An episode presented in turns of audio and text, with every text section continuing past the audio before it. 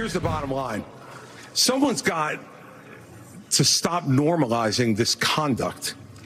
Okay?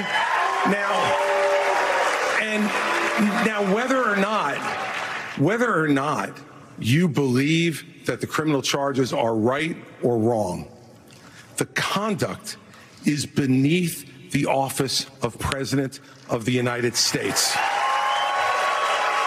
And,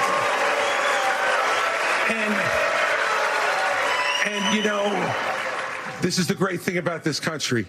Booing is allowed, but it doesn't change the truth. President Trump, I believe, was the best president of the 21st century. It's a fact. And Chris Christie, honest to God, your claim that Donald Trump is motivated by vengeance and grievance would be a lot more credible if your entire campaign were not based on vengeance and grievance against one man. And if people want to see a bunch of people blindly bashing Donald Trump without an iota of vision for this country, they could just change the channel to MSNBC right now. Je hoorde Chris Christie en Vivek Ramaswamy bij het Republikeinse presidentsdebat dat vannacht op Fox News werd uitgezonden. Een keiharde clash die regelmatig voorkwam, want je ziet hier twee kandidaten die het uiterste van het republikeinse spectrum vertegenwoordigen. Chris Christie die zegt we moeten afscheid nemen van Trump. Het is gewoon misschien niet crimineel wat hij gedaan heeft, maar wel moreel onjuist. En natuurlijk Ramaswamy die zegt Trump is de beste president ooit.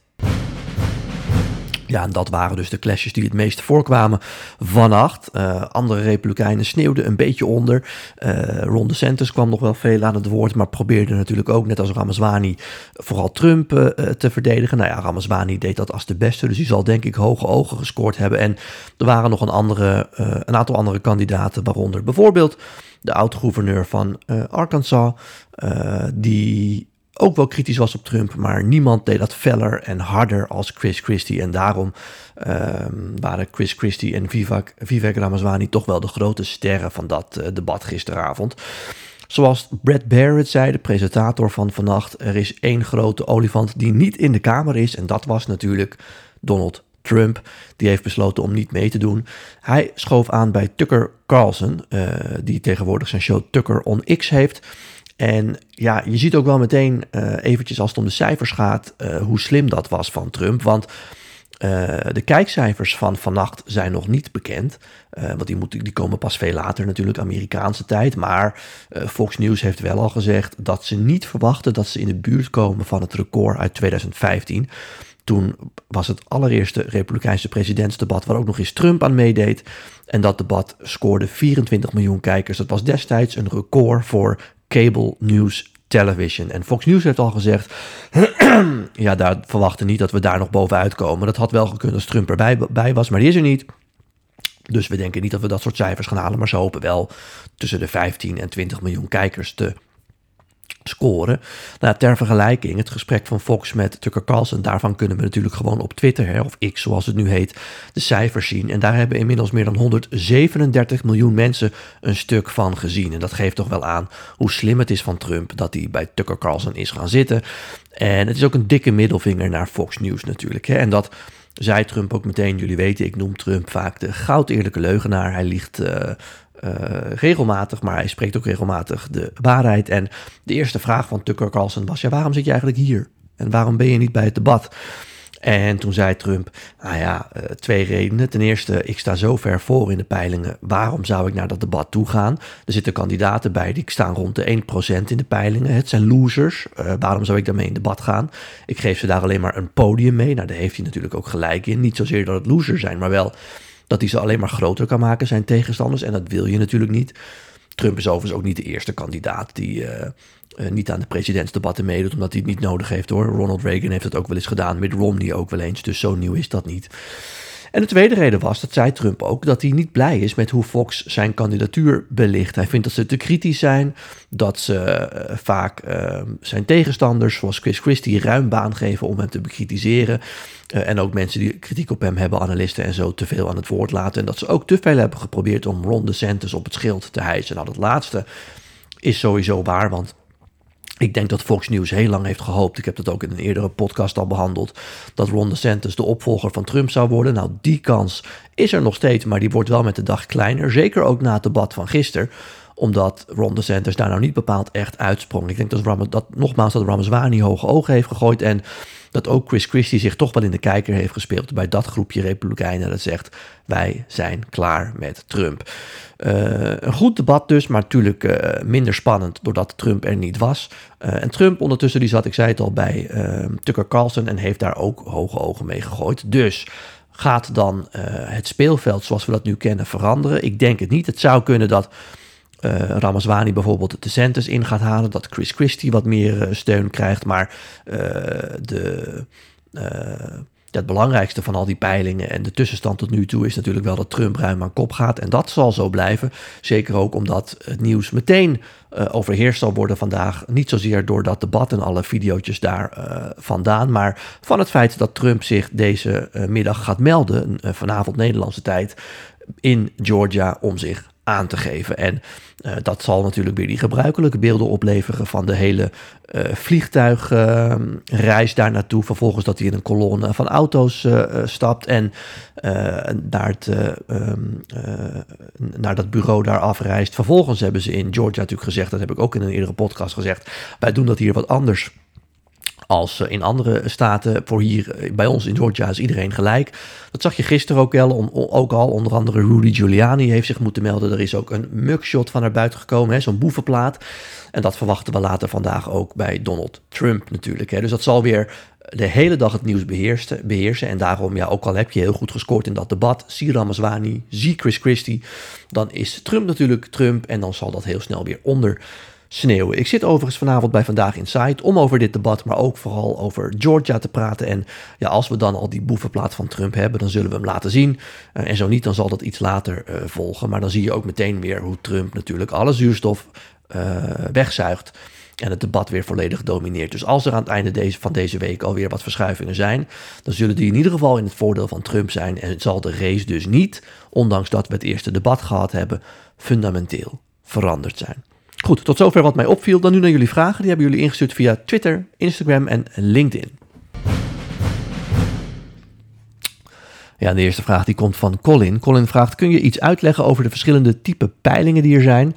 Uh, denk bijvoorbeeld ook aan de approval ratings, in Nederland minder bekend, dus ik kan het niet zo goed plaatsen. Ja, Colin, goede vraag. Ik besteed natuurlijk ook best wel veel aandacht aan die peilingen. Dat komt me ook wel eens op kritiek te staan. Mensen zeggen, ja, je focus je te veel op wat ze dan in Amerika de horse race noemen.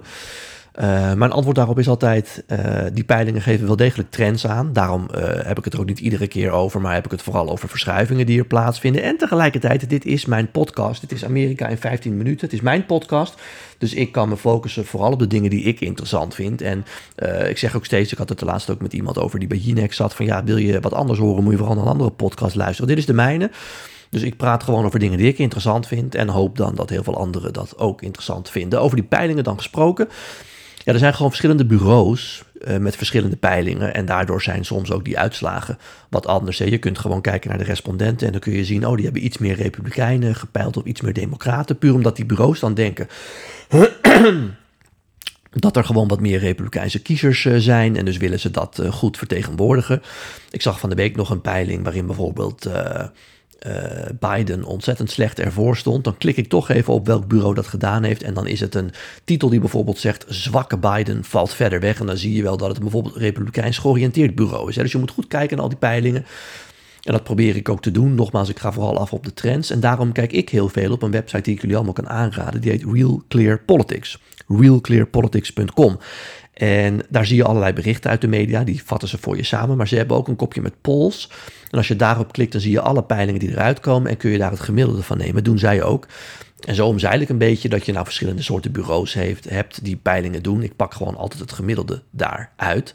En als dat niet zo is, dan noem ik ook de peiling bij naam. Als ik één peiling noem, dan zeg ik ja, deze peiling komt van uh, uh, de New York Times bijvoorbeeld. En die zeggen dit. Dan heb je inderdaad ook nog andere peilingen die gaan over die approval rating. Ja, approval rating is eigenlijk gewoon hoe doet de president is. Hè? Wat vinden we van de president? Wat is zijn approval? Wat vinden de Amerikanen ervan? En dan zie je aan Biden bijvoorbeeld dat die approval rating van hem onder water staat. Met andere woorden, uh, nou ik kan meteen even de computer erbij pakken. Dan tik ik in realclearpolitics.com. Ik ga dan naar het kopje peilingen. Dan zie ik President Biden job approval. In de ene van Rasmussen staat hij op 47%. Die vinden dat hij het goed doet. 51% zegt van niet. Plus 4 dus, als je kijkt naar het totaal aantal Amerikanen dat zegt hij doet het niet goed. Die zijn in de meerderheid. Dan is er ook eentje van The Economist en YouGov. Daar zegt 43% dat Biden het goed doet, maar 54% niet. En dus heeft hij een totaal disapproval rating van 11%. Met andere woorden, zijn uh, uh, approval, de goedkeuring die hij van de Amerikanen krijgt, is plus 11 in die peiling. Ik klik dan gewoon even op President Biden job approval. Dan krijg ik het gemiddelde van alle peilingen. Dus The Economist, Rasmussen, maar ook Emerson, Fox News, Quinnipiac, Reuters. Ja, en dan zie je dat uh, ongeveer 41,6%, dus laten we zeggen 42% van de Amerikanen zegt: I approve of the job that President Biden is doing. Hè. Ik keur zijn werkwijze goed. En 53% zegt dan: ik doe dat niet. Dus in totaal um, zijn 11, hè, iets meer dan. Uh, 53% van de Amerikanen zegt ik keur dat niet goed. En dus is zijn approval rating min 11, zo kun je dat zeggen. Of plus 11 als het gaat om de mensen die het niet goed vinden. Klinkt ingewikkeld, maar als je de cijfers kijkt, dan, uh, bekijkt, dan is dat logisch. En die approval rating is heel belangrijk in Amerika. Tegelijkertijd, nogmaals, uh, 42% zegt ik ben tevreden over hoe Biden zijn werk doet. Uh, 53% zegt van niet. Um, dan is natuurlijk altijd nog de vraag, Joe Biden zegt het ook regelmatig, um, um, beoordeel mij niet uh, ten aanzien van bijvoorbeeld God, hè, daar, daar, kan ik toch niet tegenop, maar beoordeel mij ten aanzien van mijn alternatief. En als dus Biden het weer tegen Trump moet opnemen, ja, dan is de standaard natuurlijk Trump of Biden. En dan kun je zeggen, ik ben het niet eens met hoe Biden het doet. Hij is te oud of hij doet dat of dat niet goed. Maar het is gewoon een binaire keus. En dan uh, kunnen nog steeds heel veel mensen die zeggen, ik ben nu niet tevreden over hem, alsnog op hem stemmen. Omdat ze bijvoorbeeld vinden dat Trump crimineel verdrag heeft uh, vertoond. Ik heb het laatst ook bij de Oranje Zomer daarover gehad. En toen heb ik ook gezegd van, ja, je moet je voorstellen, als je in Nederland twee partijen zou hebben... En de ene partij heeft uh, Dries van Acht uh, uh, teruggehaald, hè, ontzettende oude man. en ja, die andere partij die, die stuurt bijvoorbeeld Thierry Baudet naar voren. Nou, dan kunnen heel veel mensen zeggen van ja, ik vind Van Acht te oud en ik ben het daar niet mee eens en dat is slecht. Tijd voor een nieuwe generatie. Maar ja, als het alternatief Thierry Baudet is, waarvan heel veel mensen vinden dat hij in complottheorieën verzandt, ja, dan zullen ze misschien toch zeggen ik ga voor Van Acht. En dat zie je dus in Amerika ook gebeuren. Dan een andere vraag. Uh, de Democraten zijn toch oerdom als ze Biden laten zitten. De kans dat ze in 24 winnen, zeker met het kiesmannenstelsel, is toch bijna nul. Nou, het is zeker niet nul. Uh, zie ook deze peilingen. Uh, ik zit nu toch op Real Clear Politics. We hebben het nu toch over de peilingen. Dus ik kan wel eventjes kijken naar gewoon de verkiezingen die eventueel plaatsvinden. dan ga ik gewoon eventjes weer naar Real Clear Politics. En dan doe ik op de laatste peilingen. En dan zijn er dus ook peilingen die het dan hebben over nou ja, Biden versus Trump. Hè. Hoe ziet dat er ongeveer uit? Um, en daar kunnen we ook weer het gemiddelde van pakken. En dan zie je ongeveer dat ze nek aan nek staan. Biden staat op 45%, Trump op 43%. Dus met andere woorden, Biden staat voor.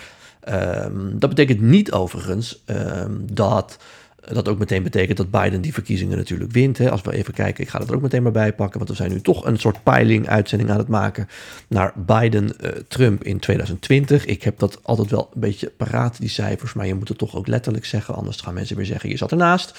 Uh, dan zag je bijvoorbeeld dat Biden uh, uh, 51% ruim van de stemmen kreeg. Trump nog niet eens 47%.